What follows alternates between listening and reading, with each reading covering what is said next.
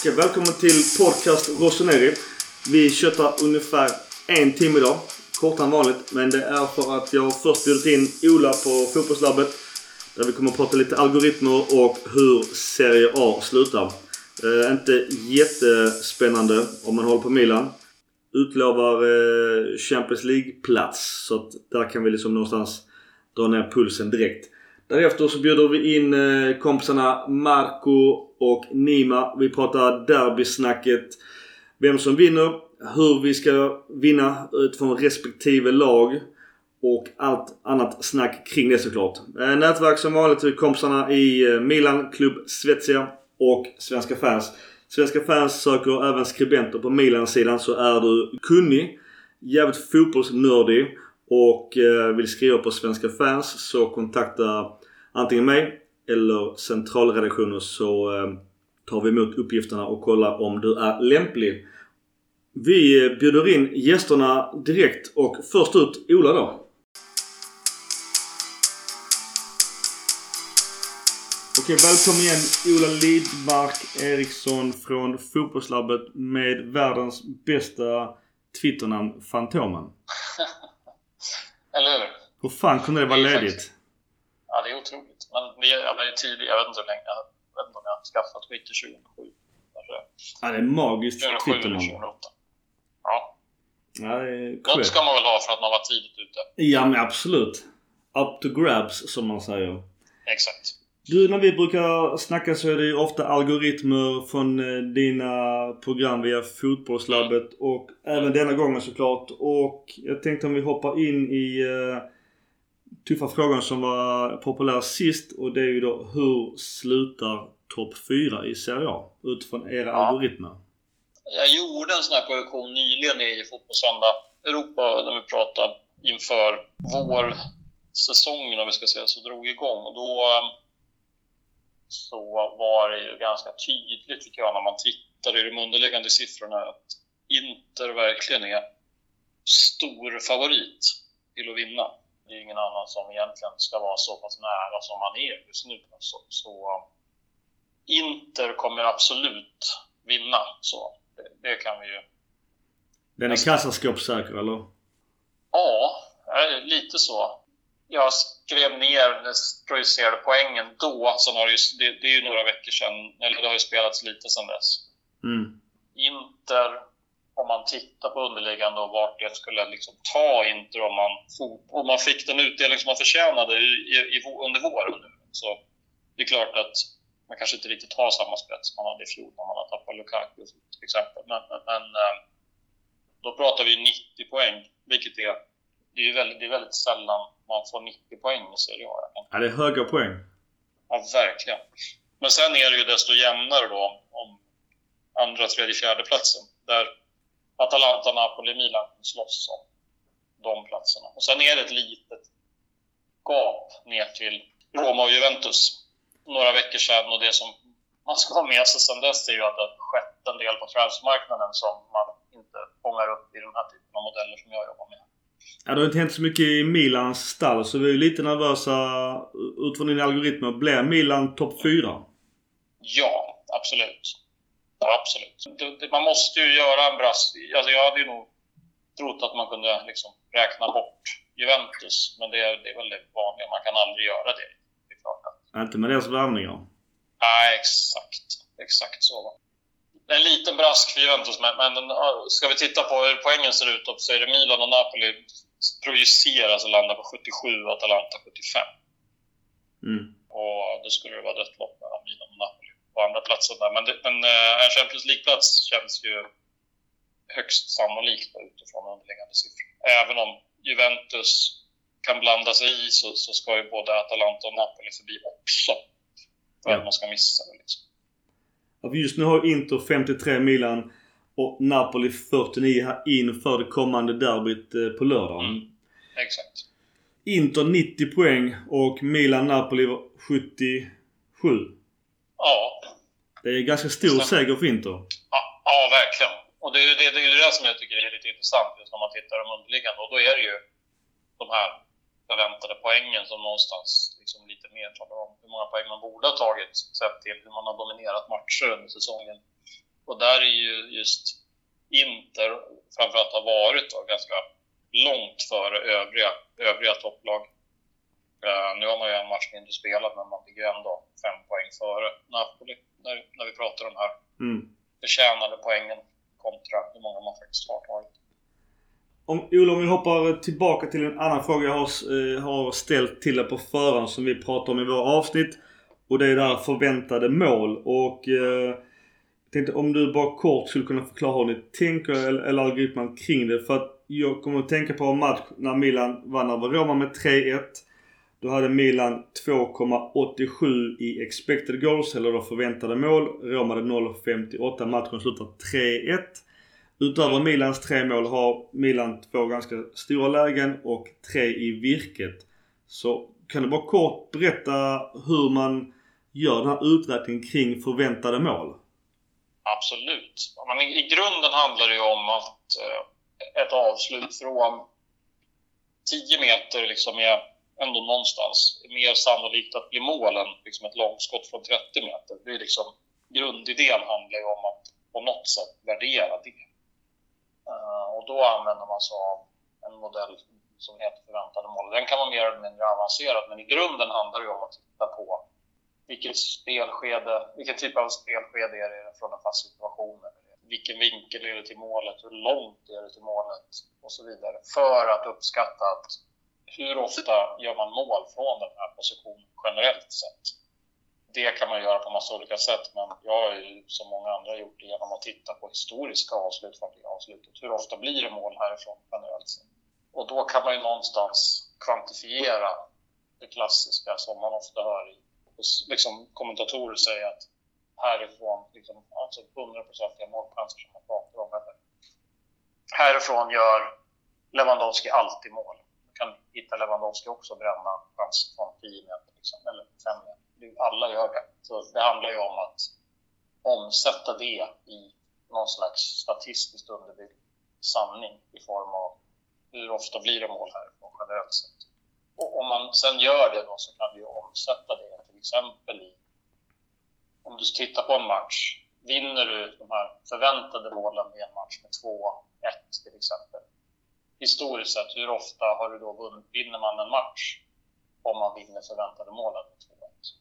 Ja, det kanske är sex gånger av tio. Till exempel en hörna uh, mm. där en uh, anfallande spelare nickar mot mål men över.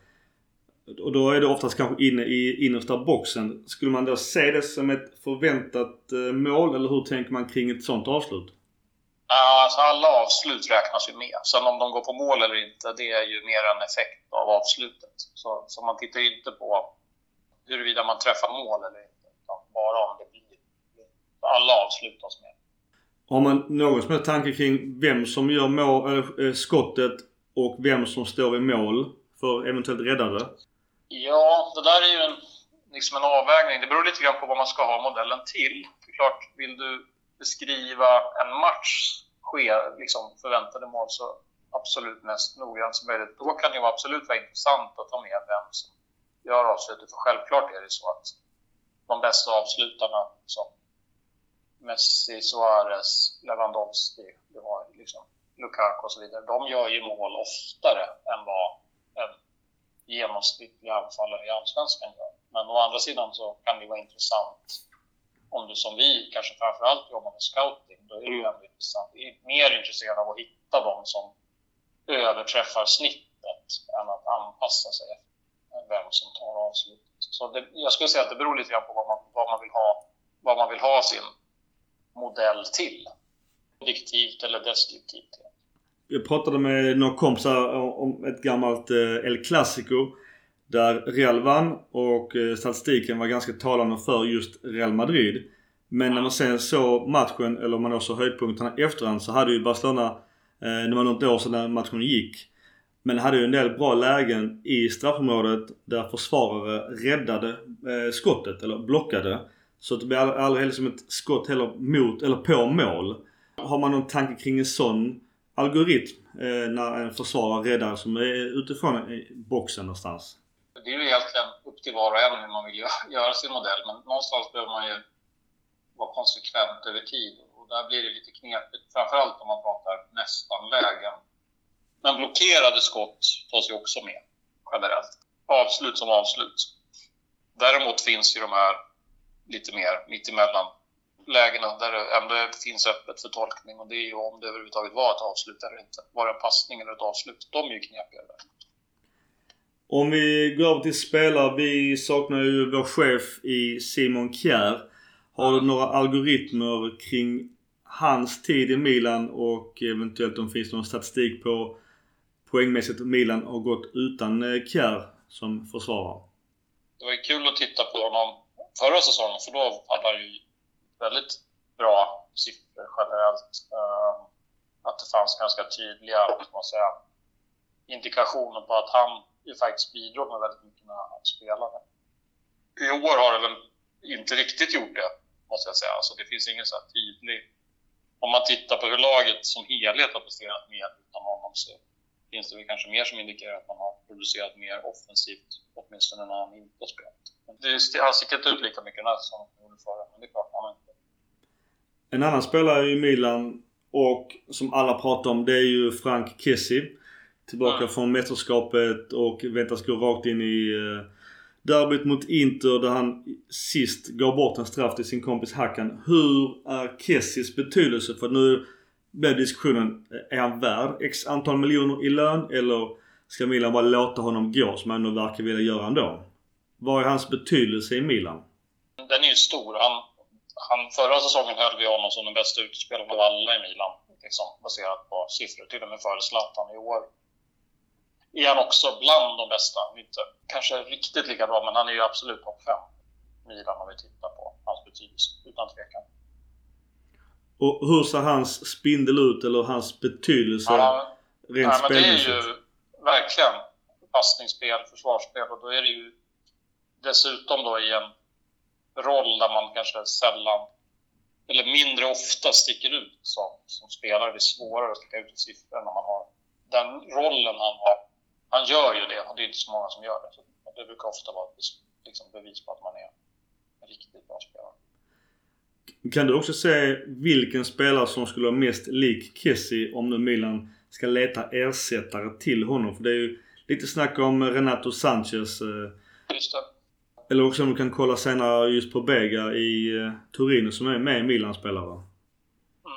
När jag lite snabbt kollar nu, det är ju Arturo i Juventus. Men det är väl aktuellt. Ja, den är jobbig. Mm. Sjukt underskattad spelare. Ja då. Och vår Milan-ägda Pobega, hur, hur ser hans siffror ut? Och rent statistiskt sett skulle han kunna vara en, en ersättare till Frank Kessie? Ja, jag tittar nu. Det ser inte helt... Inte alls helt omöjligt faktiskt. Uh, siffrorna är de faktiskt inte helt olika precis i liksom, passningsspelet, men även i försvarsattribut. Spelar väl i sitt lag som kanske inte äger matcherna lika mycket, men um, så att han kanske har lite mer att göra defensivt. Men passningsspelet ser också väldigt bra ut.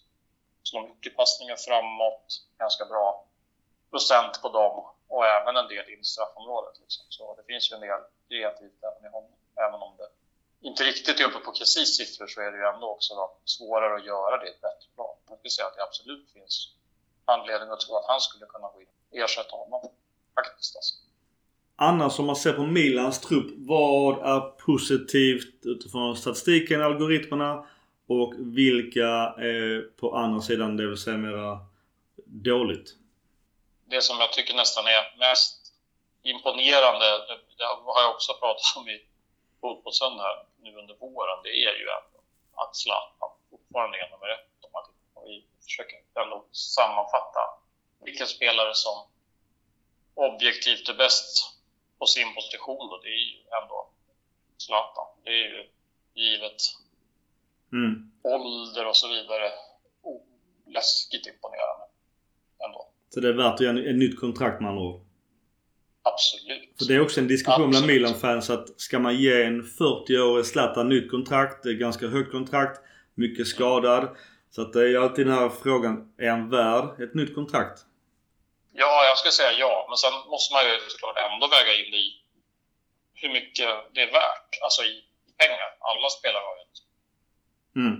övre, ett tak på vad de är värda. Men just, just, man ska ju ändå komma ihåg att oavsett så är ju Zlatan absolut en av Milans bästa spelare. Liksom. Så det är klart att vill man göra sig av med honom att han är för dyr, ja, då man hitta någon annan. Man tappar ju mycket i fuck you-attityden också med Zlatan i så fall.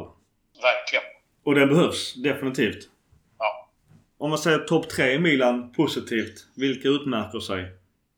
målvakt som har gjort det rätt bra är Magnan som liksom givet att han ska ersätta en av världens bästa målvakter har gjort det bra. Sen skulle jag väl utöver Kessi nämna Theo Hernandez också, bland de som har spelat riktigt mycket, som ser riktigt bra ut. Vi fans pratar ju ofta om eh, Tomoris betydelse. Är det någonting du kan säga där som är avgörande? Helt okej, men över säsongen så kanske han saknar lite i eh, passningsspelet. Absolut många passningar, det är hög passningsprocent, men väldigt få liksom. Längre vägvinnande passningar.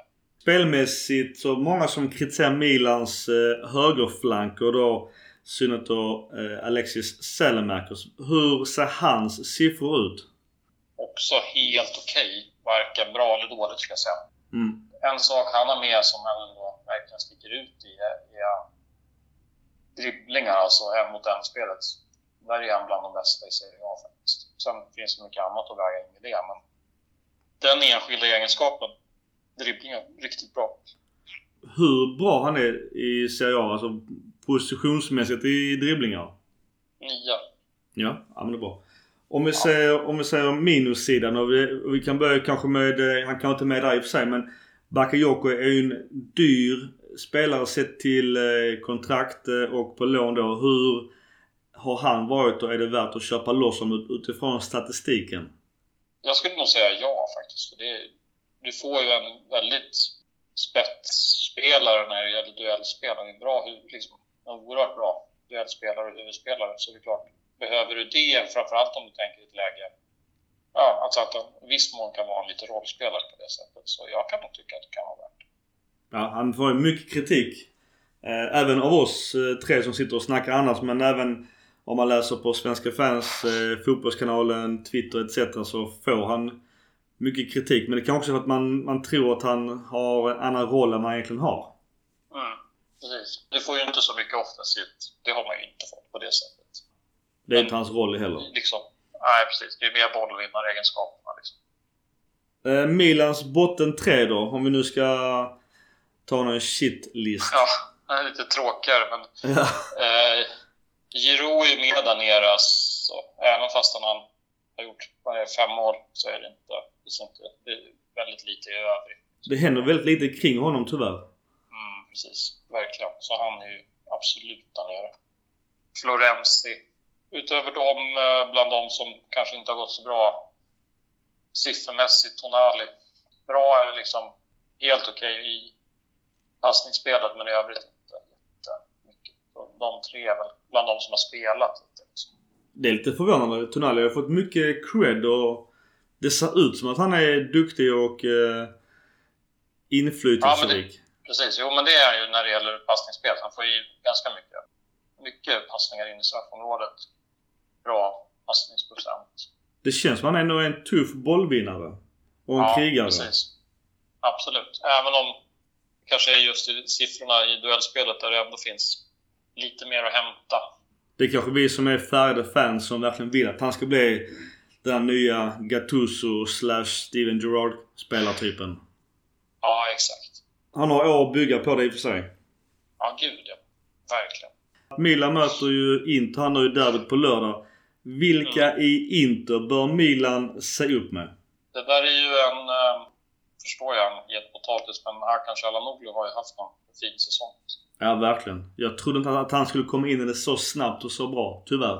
Nej, nej men verkligen. Nej, otrolig säsong. Alltså, och vi håller honom som en av de bästa, kanske den bästa mittfältaren i liksom, Serie A just nu. Det var lite kul för att just min eh, Milan-kompis Azir hade ju en bild just från eh, Chanuglu och frispark som ni tog upp i, eh, i fotbollskanalen. Det var lite småkul. Ja, just det. Ja, just det att det har pratats om att han eventuellt inte ska ha känsliga fötter, men jag kan ju ha svårt att se det. Alltså, han har ju stått för otroligt mycket eh, målgivande passningar och passningar som leder till målchanser liksom, denna säsongen. Ja, det är precis den AMC Milan saknar. Men för Diaz har inte varit eh, den spelaren som han var första 5-6 matcherna tyvärr. Nej, men exakt. Just det här som passningar som leder till mål, målchanser om man pratar nyckelpassningar då, som leder till målchanser när man pratar expected assist som också är ett sånt där expected värde när man egentligen pratar om passningar och sen tittar på expected goals som de leder till. Så då är jag nummer ett, ser jag, på bägge dem. Så, en otrolig framspelare den här säsongen. Ja. Och sen just det att han faktiskt har fått sex mål är ju också helt okej. Ja, absolut, tyvärr. Jag förstår att det är tyvärr för Milan-anhängare, men jag skulle säga att det är nog en som jag verkligen vill lyfta. Ja. Ja, Milan verkligen lät honom gå. Nu hade ju inte... Ja, då hade de ju Christian Eriksen men det var ju... Med facit i hand så förstår jag att det var ett jävla misstag av Milan. Verkligen. Men överlag annars i Inter, eh, Brozovic brukar vara en spelare som vi har problem med. Nu sist tog Crunch bort honom ganska mycket men... Eh, annars Inter, vil, vilka ska vi ta bort? Vilka ska få knätacklingar? Det finns ju alltså en annan spelare i Inter som... Dels har vi pratat, det har vi också pratat om i fotbollslabbet just att Tjecko och hans flytt och Astrid har ju hyllat honom och jag har väl varit mer tveksam ur liksom, sifferperspektivet just för att han är kanske inte den där riktigt vassa målskytten om man jämför med hur Lukaku var när han var där. För både Seco och även då Lautaro Martinez så bägge de, vilket är lite ovanligt på den här nivån, liksom underpresterar just när det gäller avslut går att argumentera för att bägge de spelarna bränner ganska mycket chanser. Mm. Det är ju ett sätt att använda sig av expected goals och titta just på hur många mål borde han ha gjort sett till alla avslut han har tagit och då är det bägge de ligger under. Så på det sättet så typiskt att jinxa det där. Tjecko har ju rätt mycket Han borde ha gjort ett par, tre mål till den här säsongen. Det gäller Lautaro Martinez. Lautaro Martinez också i Champions League-spelet där han väl är den som har högst expected goals av alla den här Champions League-säsongen som inte, inte har gjort mål överhuvudtaget. Just i Champions League. Det låter oroväckande. Ja, lite så va. För bägge då, Lautaro Martinez borde ha gjort. Den här säsongen ligger på någonstans 13-14 förväntade mål. Han har gjort 11. Mm. Bland dem finns det ju ett par brända ganska bra lägen. Liksom. Det är straffmissen mot Milan när Tata räddar. Ja, just det. Ja, den är med där. Bägge två skapar ju otroligt mycket de tillsammans ligger ju på så här, nästan 1,6-1,7 förväntade mål per match. Så de två tillsammans ska ju göra ett mål varje match, liksom, minst. Ett och ett halvt. Typ. Det låter oroväckande. halva mål, men det, de, de, det är väldigt höga just förväntade målsiffror på bägge. Har de nästan fem avslut per match. Oj, ja, ja, det är ju jättebra. Jag, jag trodde inte heller att Inzaghi skulle få rätt på Inter så fort. Så att alla deras nya spelare har ju gått rätt in i spelet direkt nästan. Mm. Ja men verkligen. Ja, men det är klart att Inter, givet vad vi pratade om i början också, de här projicerade poängen och vart de, både Inter och Milan förväntas hamna när säsongen är slut, så är det klart att Inter måste ses som favorit. Så. Ola, sista frågan här. Mm. Hur tror du själv gissningsvis att eh, matchen slutar på, på lördag mellan eh, Milan och Inter? Ja, men jag tror att det blir 1-1. Ola, stort tack för kloka ord och hälsa ja. dina kollegor som varit med i eh, podcast Rossoneri. Det ska jag göra. Och fortsätt göra det ni gör så bra i fotbollslabbet. Stort tack. Ha det bra Ola. Tack så mycket. Samma. Tack. Ciao. Ciao.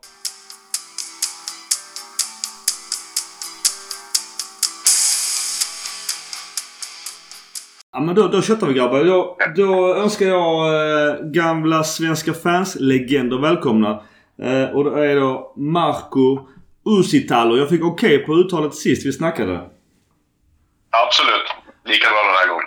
Och så har vi då Nima som skriver och grundar till Sempre Inter. Hej! Kul att vara tillbaka. Ja, alltså, ni har varit med förr så det är gött att ha med er. Det är alltid kul när du frågar. Jag tycker det är alltid roligt att vara med på er podd faktiskt. Ja, men ni båda två är alltid välkomna. Men nu har vi, skippar vi formaliteterna och börjar köta direkt. Uh, jag kanske måste fråga, hur mår ni by the way? Inför derbyt? Ja du, jag är jävligt nervös. Man så, kanske jag svor i den här podden, det får man inte göra. Men Hur mycket du vill. gillar- Du kan säga, du kan säga hur mycket du vill. ja, vad skönt. att det, det är inte så, sådär. Men nej, jag är ju faktiskt jävligt nervös. Jag gillar inte det här för att det är en sån där, det är ett sånt där obehagligt läge där allting talar finter egentligen. Och det gillar inte jag. För att eh, jag tycker, jag har kollat på Milan här i januari och det känns som luften har gått ur Milan lite grann. Du har en Zlatan som är skadad, du har massa skador på Milan-spelare. Det känns som Pioli gör mirakel i princip hela tiden, gång på gång på gång. Och försöker liksom hålla ihop det här. Och ni hade transferfönster som var minst sagt, eh, underväldigande. Köpt, tog in Gåsens liksom, som är, det är helt galen bra värvning. Eh, Så att jag är sådär... Allting talar för Inter och just därför är jag skitnervös att Milan kommer vinna den här matchen. Liksom. Jag gillar, ni, ni försvagade i Atalanta, det gillar jag i och för sig. Så det är plus. Ja, det, nej men precis så. Just därför att ingen förväntar sig att Milan ska göra bra. Det är det som jag hatar det där. Jag blir så irriterad. på mina- Jag pratar med kollegor i Italien som säger att det här måste inte vinna. Det är som en, varje gång de säger det så känns det som en dödskyss ungefär. Jag blir skitsur.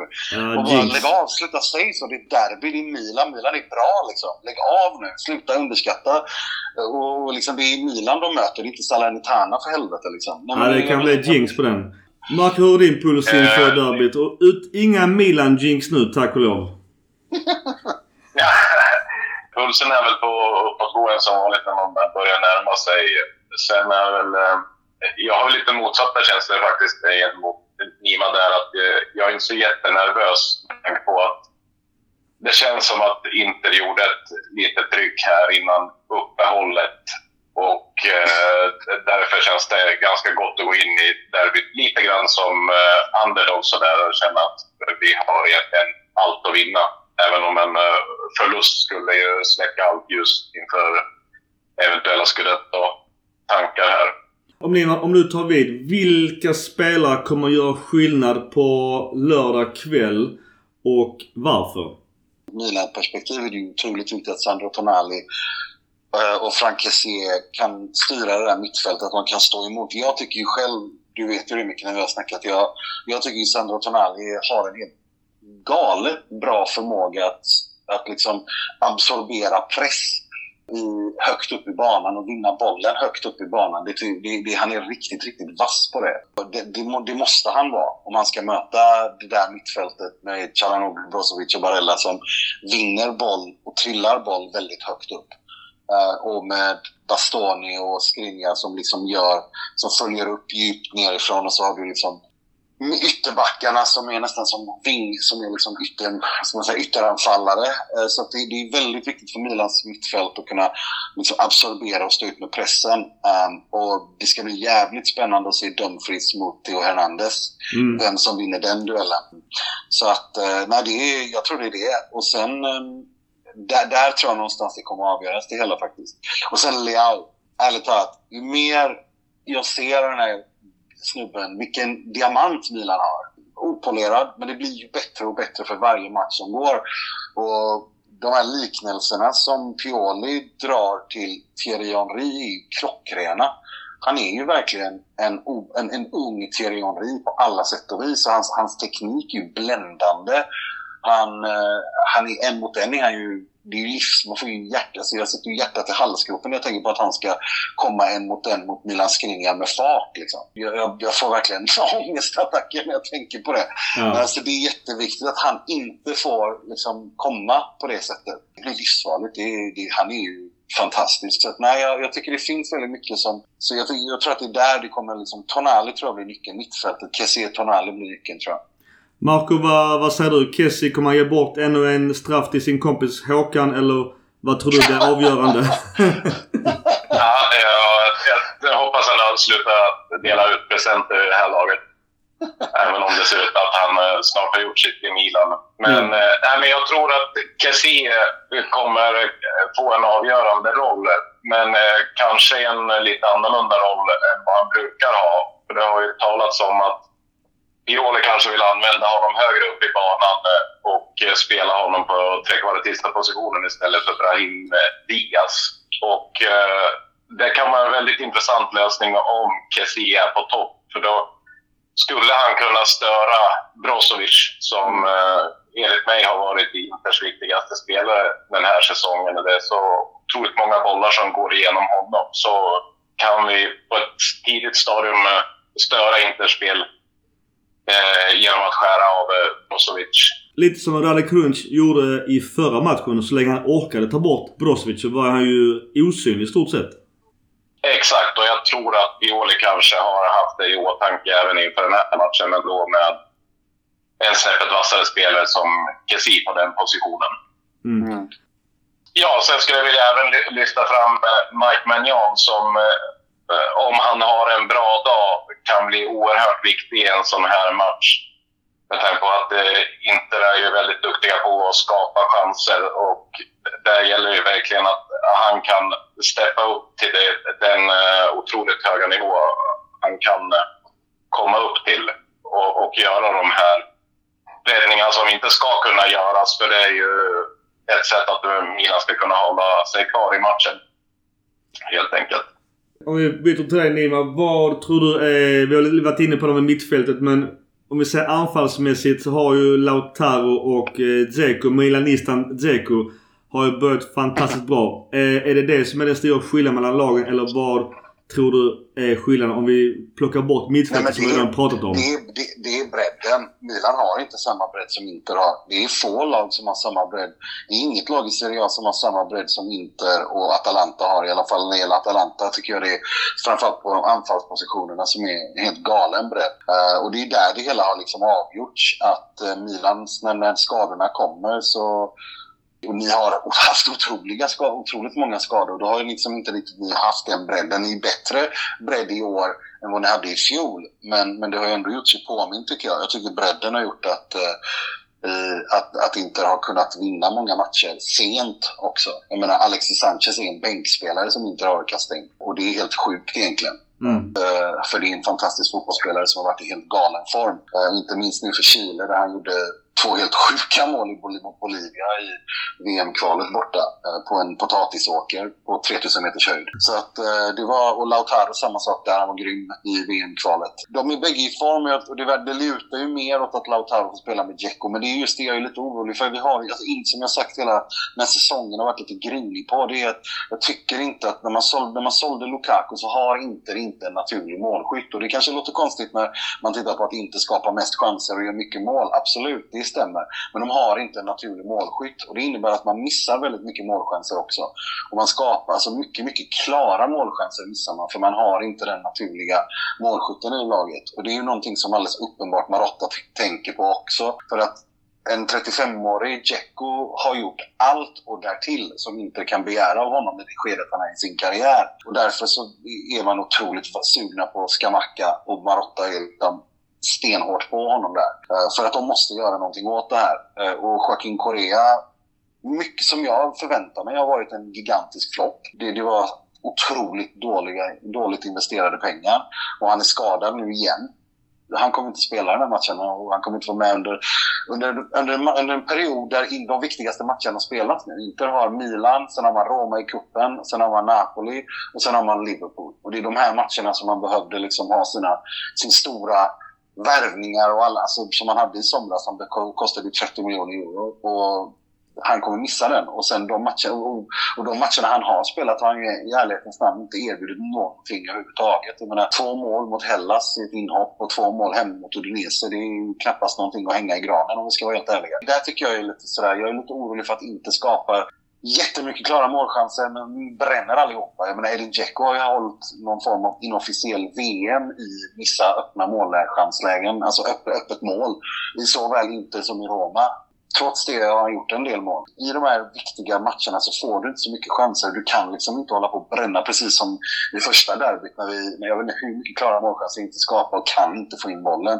Lautaro missar straff bland annat. Det är de här grejerna som jag är lite orolig för och det är det som gör att jag känner någonstans att Milan behöver kanske en chans, ett mål och sen stänger Piotr ner. Och så får inte jaga matchen och, och lämna kontringsytor till Leao bland annat. Jag gillar inte den känslan för det känns, det känns som det är där vi är på väg. Eh, Marco, vad bör Milan göra för att störa Inter? Kanske till och med vinna matchen och ha en gnutta förhoppning på eh, eh titel fortfarande? Ja, så, så som vårt spel har eh, sett ut på sistone så har vi inte alls lyckats skapa så mycket chanser som vi gjorde i början på säsongen. Så där är det otroligt viktigt att vi är på tå när det väl dyker upp chanser. På så sätt kanske det kan vara en fördel till och med att eh, Giroud spelar på topp. Trots att han inte har gjort så många mål så har han ändå visat att när lägena väl dyker upp så har han varit eh, väldigt effektiv. Jag tycker när han spelar så finns det nästan en garanti att det dyker upp en eller ett par riktigt bra chanser för han är så pass rutinerad och skicklig på att eh, hitta rätt ytor att stå i. Sen uh, vi bara får fram bollarna till honom. Att eh, Leao klarar av att stå emot pressen nu när eh, han ska kunna leverera även i en sån här stor match. Och sen då om Kessie spelar som trekvartist, att eh, han orkar fylla på under hela matchen och komma in i boxen. För där har han varit väldigt skicklig att komma in i andra vågen många gånger och skapa chanser den vägen. Det är väl där våra chanser ligger som jag ser rent offensivt. Milan har ju som Nima också sa tidigare en ganska skadedrabbad trupp och ett hårt plastgräs på Milanello. Diskussionen har varit, kommer Zlatan spela överhuvudtaget? Starta samma Tomori som verkar vara tillbaka. Jag såg en tränare på Milans eh, YouTube.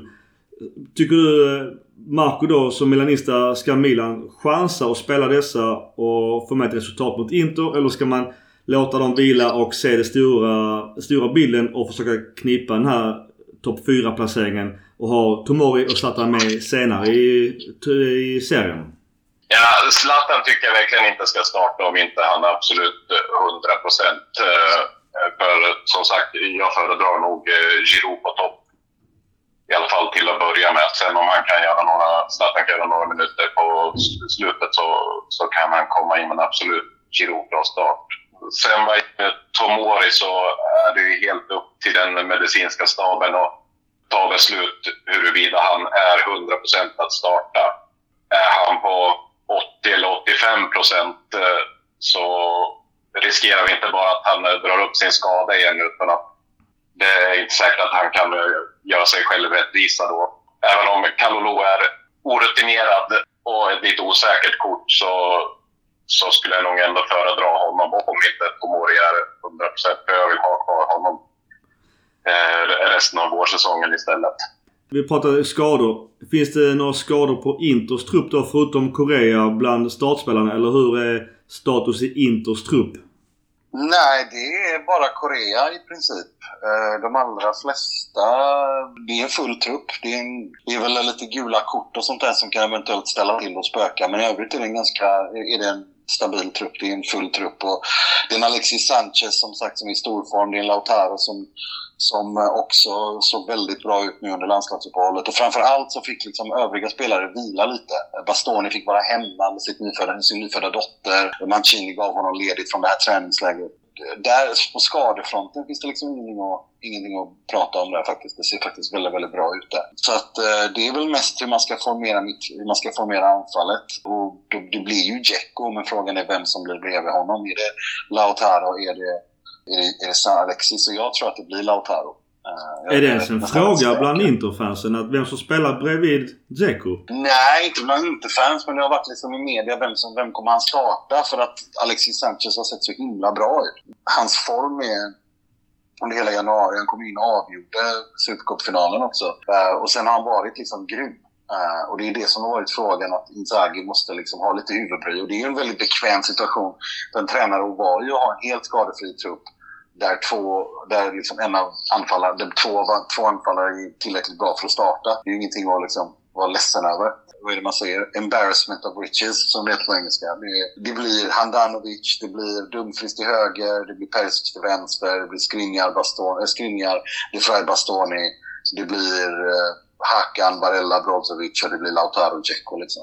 om inte nu någonting skulle hända innan dess att man är skadad eller testar positivt för Corona eller någonting sånt där galet. Du, Marco, på tal om eh, uppehåll. Milan har ju fått vila spelare, vilket vi verkligen behöver. Tror du att eh, matchen i sig, det vill säga derbyt, upphasat att det är ett problem att det varit ett ganska långt uppehåll eller har varit en fördel för Milan inför derbyt? Ja, jag hoppas att eh, man har lyckats samla lite krafter. För eh, innan uppehållet där så tyckte jag att det var ett ganska trött lag och eh, det kändes inte som att formen var på topp. Så jag eh, hoppas verkligen att man har lyckats samla ihop lite energier under de här två veckorna. Och för eh, alla vet ju vilket spel Pioli vill spela. Det är ju ett otroligt energikrävande spel och det har, med tanke på alla skador som vi har haft så har ju inte han kunnat rotera så som han själv har velat utan han har ju hela tiden fått stoppa in de spelare som har varit tillgängliga.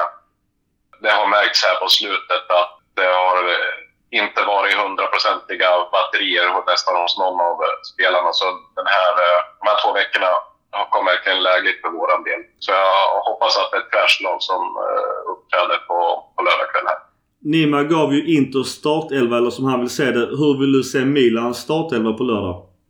Som sagt, Magnan given i mål. Jag tror att Calabria kommer föredras eh, till höger framför Florenzi. Theo är ju såklart given på vänster. Sen är ju då eh, den stora frågan eh, längst bak då om Tomori är 100 procent att eh, Pioli vill chansa på honom eh, bredvid eh, Roman Pioli. Och jag tror faktiskt att han kommer att gå med Kessi som eh, trekvartista och Benazer tillsammans med Tonali tar de eh, två lägre mittfältspositionerna. Eh, Giroud på topp, eh, Leao såklart eh, ut till vänster och Sen tror jag att han väljer Alexis till höger framför Messias. Att han i så fall eh, väljer brassen som en eventuell joker att slänga in senare i matchen.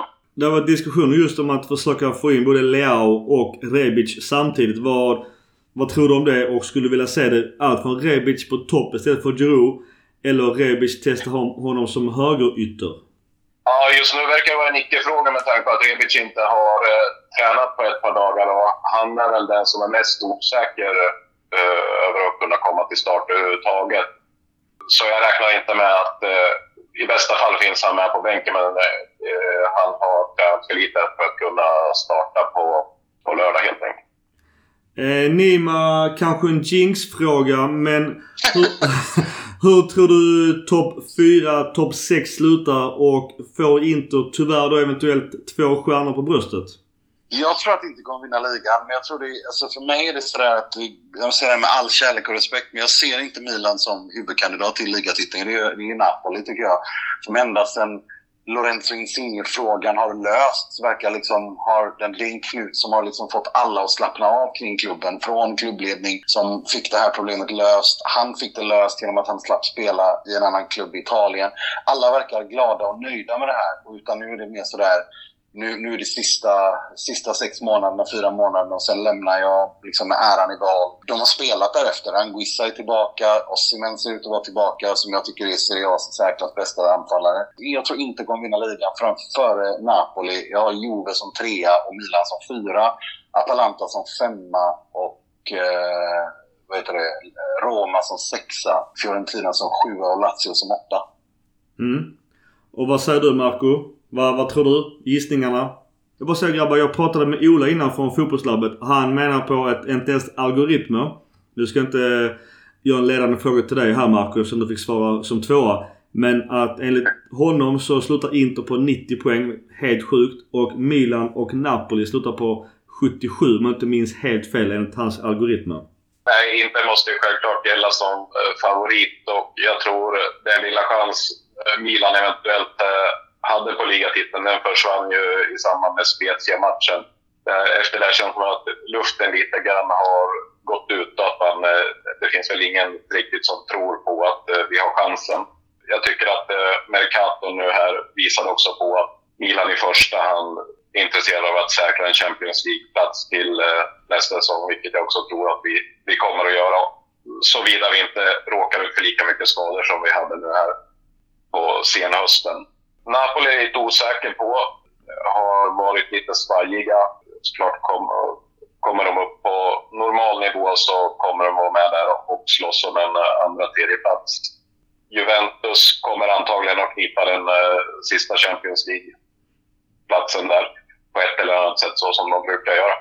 Du, Nima, jag tänkte, vill du avsluta så är det, kan jag prata vidare med Marco sen om du behöver gå vidare.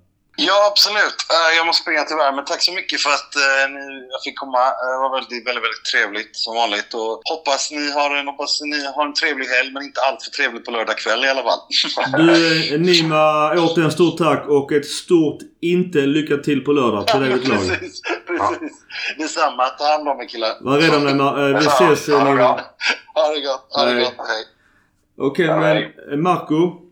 Yes. Du är kvar ja. Om vi bara ja. Kort, pratar lite om vårt eh, transferfönster. Det blev en anfallare in. That's it. Eh, du ja. och jag pratade lite kort eh, på Twitter. Vad är dina tankar kring Milans fönster och varför har vi agerat eller icke agerat som vi har gjort? Är dina gissningar? Det som eh, tycktes självklart eh, när Kjär blev skadad att eh, vi skulle ersätta honom under januari blev ju inte alls så. Och varför det inte blev så tror jag har att göra med att eh, Milan helt enkelt inte hittade rätt profil, rätt typ av spelare att ta in under januari. Man ville inte slänga ut pengar bara för sakens skull utan eh, jag tror att man nu kollade efter främst Sven Bottman i Lille som har varit det hetaste namnet. Men eh, varken spelaren eh, eller eh, Lill verkade särskilt sugna på en affär nu i januari. Och när inte det gick att lösa så tror jag ledningen tog beslutet att vi kör vidare på de fyra mittbackar vi har att tillgå. Det är 15 ligamatcher kvar och ta i trä så hoppas jag att det inte blir några fler skador på den positionen. Men då ska, ska det här kunna räcka för är Romagnoli och Tomori bara friska så ska de kunna spela alla de här 15 matcherna i ligan tillsammans. Så eh, jag tror att det där var anledningen till att det gick inte att lösa en spelare som eh, vi vill ha på lång sikt och eh, då valde man att inte göra någon kortsiktig lösning utan att då är det bättre att om behovet uppstår att ge förtroende till Kalulu som jag ändå tycker i, i de flesta matcher han har fått vara med i har gjort det riktigt bra jag tror att han kan eh, utvecklas ytterligare. för eh, Jag ser mycket potential i honom. En väldigt spännande spelartyp. Och eh, Gabbia var ju på gång till att bli utlånad, men jag vet inte om det var Milan som eh, valde att det är bäst att behålla honom säsongen ut. Och som sagt, numerärt så klarar vi oss de här sista 15 matcherna som är kvar i ligan. Ja, för någonstans måste man också ge just cred till Kalulu och Gabia som jag tycker ändå har visat att de är att lita på som en Ja, alltså back 3 och 4. Uh, eh, nu säger inte jag att uh, de är kanske jättebra men jag tycker Kalulu är ju bättre som mittback än högerback. Och om man bortser från att uh, är lite feg med att ställa offside. Och ibland kan Lulu göra lite positionsmisstag. Men det är ju ganska unga killar och Gabia, jag har alltid förkärlek till våra egna produkter. Jag tycker ändå att de har gjort det habilt som min kompis Gurra brukar säga om, om spelare. Jag tycker inte, absolut inte att man kan kräva så mycket mer. Um, man får ju tänka på att det här är två spelare som har till att börja med väldigt få Serie A-matcher totalt sett eh, under bältet och de har ju inte ens spelat tillsammans. Och sett till det så har de ju ändå lyckats väldigt bra under de här matcherna som de har fått eh, hoppa in. Som sagt, Kalolo är ju en otroligt spännande spelartyp. Han har ju farten, han har tekniken och framförallt så har han en otrolig coolhet i sitt spel. Han har ett väldigt lugn för att vara en sån ung spelare. Att, eh, visst händer det att han tar fel beslut ibland, men eh, när han har bollen vid fötterna så är nästan aldrig han gör ett misstag och det tycker jag är väldigt imponerande. Annars en tuff fråga men är du besviken på att Milan har icke agerat eller känner du någonstans förtroende och rykte som säger kanske för att lugna oss fans att det kommer smälla till ordentligt i sommar och just januarivärvningar i sig brukar ju vara lite halvt desperata. Jag har inget behov av att vi värmar in spelare som Meite till exempel som kommer in på lån ett halvår och sen försvinner. Utan hittar vi rätt profil så ser jag jättegärna att vi värvar. Det är alltid kul med, med nya ansikten som äh, rör om lite grann i laget. Men om det inte finns då, så tycker jag inte man ska handla bara för köpandets skull. Nu gjorde vi ju en mindre rockad där när vi bröt kontraktet med Pellegri och tog in här unge serben Lasetic istället. Och det är ju den typen av affärer vi får göra helt enkelt. Sen eh, får väl tiden utvisa om, om det här är en supertalang som vi har lyckats lägga vantarna på eller om det bara blir en parentes. Vi måste ju såklart prata om, eh, om Kessie som våra lyssnarfrågor är ju mest om honom och vad som händer. Nu eh, verkar det som att vi spelar honom vidare trots att han eh, ja, eh, kommer inte skriva nytt kontrakt med Milan. Han, han pissar väl lite på sitt eget ord, eh, vad han har sagt tidigare. Rätt eller fel att spela vidare Kessie eller eh, för det gick ju inte att skeppa honom här nu i januari om vi ens ville det. Enligt rykten så vill vi inte heller det. Den känslomässiga sidan säger väl att uh, låt honom sitta på läktaren där för är han inte intresserad av att vara kvar i Milan så kan han lika gärna sitta där. Men om man försöker tänka lite rationellt så, så är det ju bara dumt att inte använda en sån tillgång. Även om det är eh, de sista månaderna som han har kvar på sitt kontrakt så är han ju fortfarande en oerhört duktig spelare som kan göra mycket nytta och eh, just nu har vi ju inte den bredden på truppen så att vi bara kan av principskäl ställa över Kessie för att inte han vill förlänga sitt kontrakt. Eh. Jag tycker att eh, han, han ska vara med i truppen och han ska spela så mycket som möjligt om han eh, är 100% frisk. Det behöver vi, kommer vi behöva under våren. Milan eh, har ju lagt ett ganska generöst bud med ganska hög procentuell höjning på kontraktet. Han vill ju uppenbarligen ha mer eller inte spela för klubben. Tycker du, och detta kommer såklart spegla över på Maldini, att om ännu en Bosman-spelare lämnar. Tycker du att Milan borde spränga banken för Kessie? Eller har Milan som, och ledningen skött det ekonomiskt rätt? I så fall att, att låta honom gå för att vi inte kan erbjuda så mycket som man kanske vill ha. Det, det är klart det, det, här blir besvärligt för eh, han blir ju den eh, tredje spelaren på kort tid och eh, så får vi inte glömma bort Romagnoli som inte heller har förlängt sitt kontrakt som går ut nu i sommar. Så i värsta fall så kan det vara fyra spelare eh, som har ett ganska högt nominellt värde som då försvinner gratis och som hade kunnat inbringa en hel del pengar.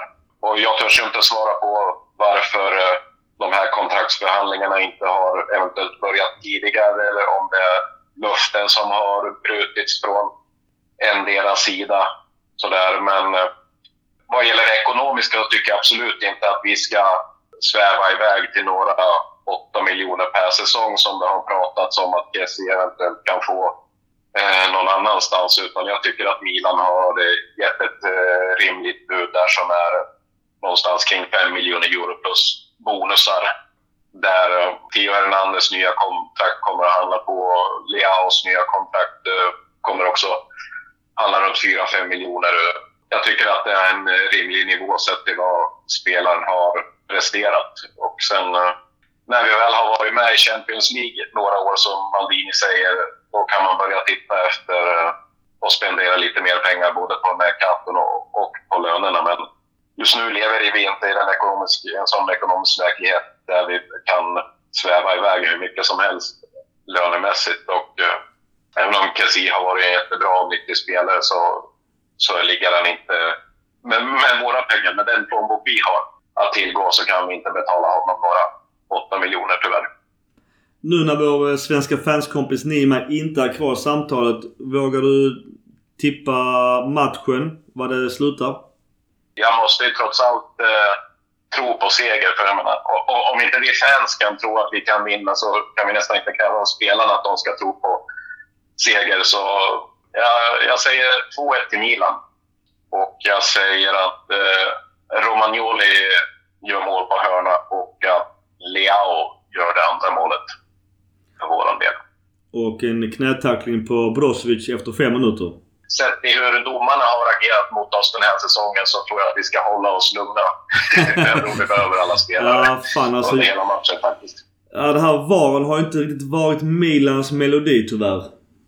Nej, det har både VAR och eh, några, några andra viktiga domslut har ju minst sagt gått emot oss den här säsongen. Och, eh, jag vet inte om det när vi summerar efter 38 omgångar hur stor påverkan det har, men eh, med tanke på alla skador och de motgångar vi har haft så, så hade vi verkligen behövt de här eventuellt extra poängen som domarmisstagen har kostat oss så här långt.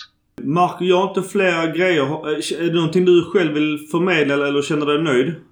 Nej, det har varit jättekul att vara med och så håller vi tummarna att de här två veckorna vi har fått vila nu, att vi får tillbaka ett Milan så som vi kände igen det i början på säsongen. Som spelar med hög fart, eh, som lyckas skapa med betydligt fler målchanser än vad som var fallet här strax innan och strax efter jul. Och hoppas att vi, Pioli har lyckats ladda batterierna på samtliga. Du Marco, stort tack för kloka ord och eh, fortsätt lyssna på podcast Rossoneri. Det vet du. Ha det gött Marco. Hälsa familjen. Tack så mycket. Tack själv. Ha det bra. Samma. Ciao. Ciao, hej. Okej, ännu en gång stort tack till Ola, Marco och Nima. Ni eh, kan alla följa dem på Twitter. Jag kommer länka deras användarnamn i eh, den här beskrivningen på avsnittet. Eh, nästa gång bjuder vi in mina kompisar Mackan och Gurra och köttar vidare om allt som har hänt och förhoppningsvis så pratar vi om tre poäng mot Inter på lördag. Som Marcus sa, vi måste själva tro på det. Då gör vi såklart det. Tills dess så, ni som har iPhone eller heter det, iTunes. Ni får jättegärna rösta på den här podden. Jag vet inte hur många röster vi har just nu men sist jag kollade så var det fina betyg. Eh, hoppas att de eh, kvarstår. Men gå in och rösta om ni vill. Första mina.